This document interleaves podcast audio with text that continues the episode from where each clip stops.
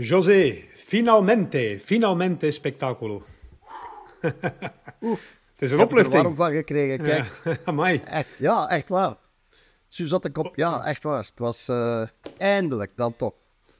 Ja, ook naar het puntje van je stoel geschoven, duidelijk. Maar er is veel over te vertellen. Hè? Want op een bepaald moment neemt Jumbo-Visma de koers in handen. De achtervolging in handen. Ze denken enerzijds, er is nog een ritzege die te rapen valt. Er is eh, iets te doen om de concurrentie onder druk te zetten. En je hebt daar vooraan ook nog een Aurélien Paré-Peintre die misschien een bedreiging kan vormen. Er zijn heel veel factoren, dat laatste minder dan die andere twee. Maar ze lopen eigenlijk op een counter.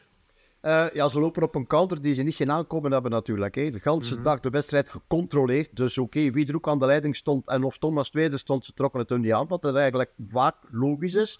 Als je denkt van een sterke ploeg of je dag te moeten nemen. Eh, en dan in de finale, ja, iedereen voor één voor één, Bouwman, iedereen opgesoupeerd. Uiteindelijk dan een hele sterke tennis. En dan Sepp Koes als enige nog mee van de knechten, zullen we maar zeggen. En dan Roglic, die moet passen op een aanval van eh, Almeida. En dat was toch wel op 6 kilometer van het einde. Hè? Aangaan met nog drie steile kilometers. Durven is dat. Dat is echt wel durven. Het zijn ploeg ook al laten rijden, Almeida. Was ook wel mooi. Ja, ja, ja. ja. Ja, toen, toen eh, Dennis weg was, zat hij, zat hij daar nog met drie ploegmaats. Hè, en die, die hebben dan wel gereden. Ja, dus dat, hè. dus een goede vine gezien. Dus die mannen kunnen we de volgende dagen ook nog wel verwachten. Dus eh, ja, het, eh, ze zijn met drieën. eh, en Almeida met stip gestegen. Ja. Eh, mag Primoz Roglic zijn handjes koesen dat Sepp Koes daar zat? En mag inderdaad zijn handjes koesen. Dat mag je wel zeggen. Eh, inderdaad, Koes was de man die... Daardoor toch, blijft de eh, schade beperkt. Ja, toch. Ja, want ik denk, hij zelf alleen met uh, Dunbar in zijn wiel, die het ook niet ging doen, dan breekt de veer tot meer, denk ik. Nu zit je met die ploegmaker. Ja, hij moet je mee. Hè. Dan drijf je jezelf toch echt over de top. Nu is Roglic niet echt iemand die snel afgeeft, dus die blijft wel gaan. Maar eh, ja, het mag toch wel, eh, dan mag je toch wel 15, 20 seconden rekenen.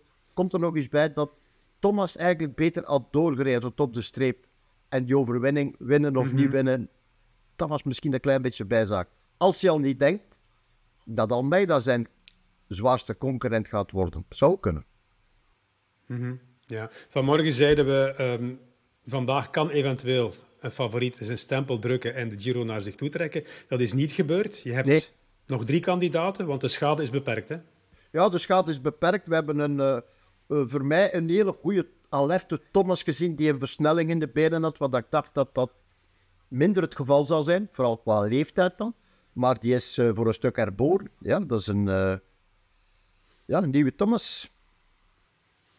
Ja. 37 wordt hij overmorgen. Hij kan de op één na oudste winnaar van een grote ronde worden. Enkel Chris Horner was ouder, want die was 41 toen hij de Vuelta won. Eh, daarachter op 3 en 4 moeten we terug naar de jaren 20 met Lambeau en Pellissier. En op 5 staat Cadel Evans, die in 2011 de Tour won op 34 jaar leeftijd. 37 is wel oud hè, om een grote ronde te winnen. Eh, Niet dat het al 37 zover is, hè? Ja, zeker. En het is nog niet zo ver, maar toch, het, hij, hij, hij drijft op een conditie die we de laatste jaren van Thomas niet meer gezien hebben. Ik had zo het idee een beetje of hem uitgekoerst was, ja of nee. Maar hij is bezig met nog een nieuw contract te proberen versieren. Dan niet alleen, maar hij wil nog verder koersen. Dus eh, de ex-tour winnaar is, is nog zeker niet uitgekoerst. Dus eh, dat is mooi. Ja, we hebben twee Belgen in de top 10 van een bergrit met meer dan 5000 hoogtemeters. Ilan van Wilder is zesde geworden en Lorenz de Plus is negende geworden. Een paar dagen geleden zei je nog, ja, dat is nog niet het grote werk. Dit was wel het grote werk. José. Dit was het grote werk en de derde week. Heel belangrijk. Je hebt er een deel ritten op zitten. Dat kan je doen als jonge renner in de eerste week. Dan zou je zeggen, ja, er is toch niet te veel slijtage, maar die slijtage is nu bij het ganse peloton. Of wat er van overblijft. Dus eh, chapeau. Eh koers ook goed ingedeeld. Niet blijven aanklampen, gepast op een kilometer of tien van het einde. En dan toch stelselmatig eh, mannen ingehaald en voorbijgereden zelfs. Dus dat belooft voor de volgende dagen. En kan ook een goede tijdrit het- rijden. Dus ja, benieuwd. Ik weet, dat, ik weet dat het allemaal praat achteraf is en dat het allemaal de voorwaardelijke wijze is, maar Remco Evenepoel zou een geweldige helper gehad hebben. Eh, zou en heeft aan Van Wilderen heeft hem al bewezen natuurlijk een hele goede laatste man. Bijna, kunnen we eigenlijk stellen. Dus eh, wat dat betreft is het eh, jammer. Langs de andere kant vind ik het nu voor Van Wilder, voor zichzelf, een hele mooie test. Remco is weg. En nu moet Ilan voor zichzelf proberen kijken waar kom ik. Denk dat voor mijzelf vind ik dat een hele gebruik maken van het verhaal natuurlijk uh, een hele goede test. Ja. Hoe zou Remco naar deze wending hebben gekeken? Want ik, ik heb het gevoel, een gezonde, goede Remco. En als je ziet dat Van Wilder in die derde week echt wel goed is, dan gaan ze echt goed getimed hebben, ook op stage. Een gezonde en goede Remco Evenepoel zou deze Giro gewonnen hebben uit de vingers in de neus. Ja, dat, zover durf ik niet gaan. Zover durf ik niet gaan. Ik, ik ben nog een beetje voorzichtiger. Uh, maar als je inderdaad gaat gaan afwegen wat we de laatste jaren gezien hebben van Almeida, bijvoorbeeld een goede mhm. Almeida tegen een goede uh, Rem, Remco Evenepoel en de mogelijkheden die Remco nog eens heeft ten opzichte van Ilan van Wilder, die daar nu op een kleine minuut aankomt of zoiets, dan denk je mhm. inderdaad, vooral dat interesseert mij dan om te zeggen, uh, ik moet u gelijk geven, maar die vingers in de neus, makkel, het is goed. Maar ik weet het. Ik, ik zei het er onmiddellijk bij, hè. het is een beetje overdreven, maar uh, er was een hele grote kans om absoluut, de tweede grote absoluut. ronde te winnen. Best jammer, dus, maar ja. Mm Oké, okay. Laurens de Plus staat tiende, Ilan van Wilder staat 15 in het klassement op dit moment. De Plus is helemaal terug hè, en kan nog belangrijk zijn voor Grant Thomas. De Plus is, uh, vind ik eigenlijk een sprookje. Bijna uh, was niet de man die voor de Giro zeker was van zijn plaats. Moest in Tour die Alps nog gaan bewijzen dat hem inderdaad wel goed genoeg was in dienst van Hart. En daar dan helemaal, helemaal terug. Vrij op de markt. Voor hem zelf nu mhm. een uh, hele goede zaak dat hem terug is. Dat gaat hem extra geld opleveren.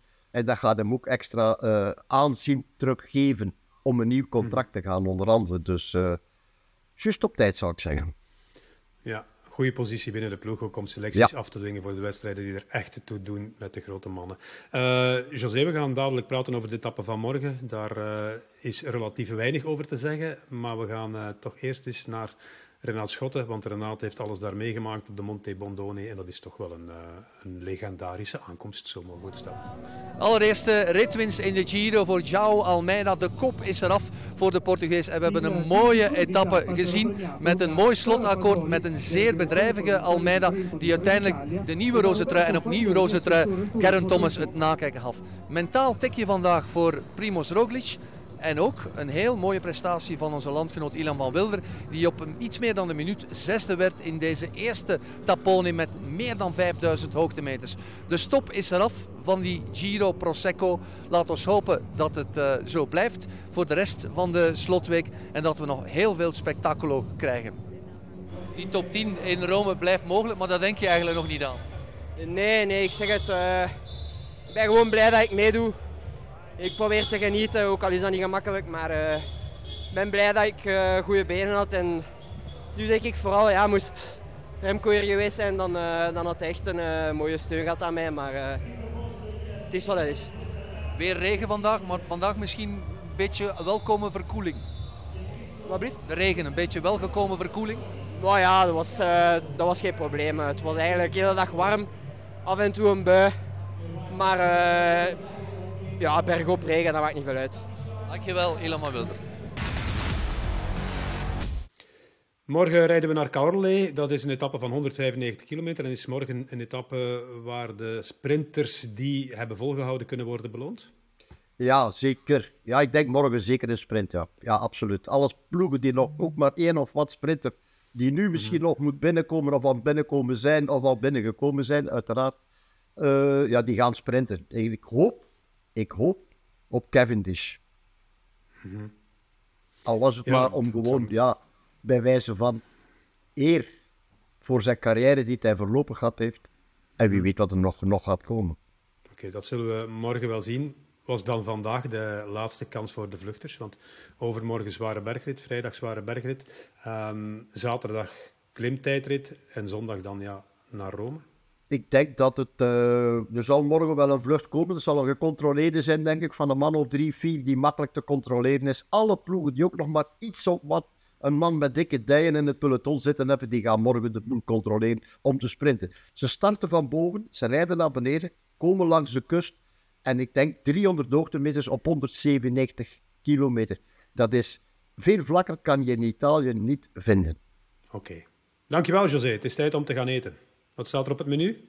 Uh, ik, uh, ik rijd nog ergens naartoe. Ah, oké. Hier is de pasta al dente, spaghetti. Dus gaan we ervan Met nog iets bij, veronderstel ik. Uh, ja, ja. De, de, de, traditionele Belgische pasta bolognese is het. Ah ja, oké. Okay. Ja, oké. Okay.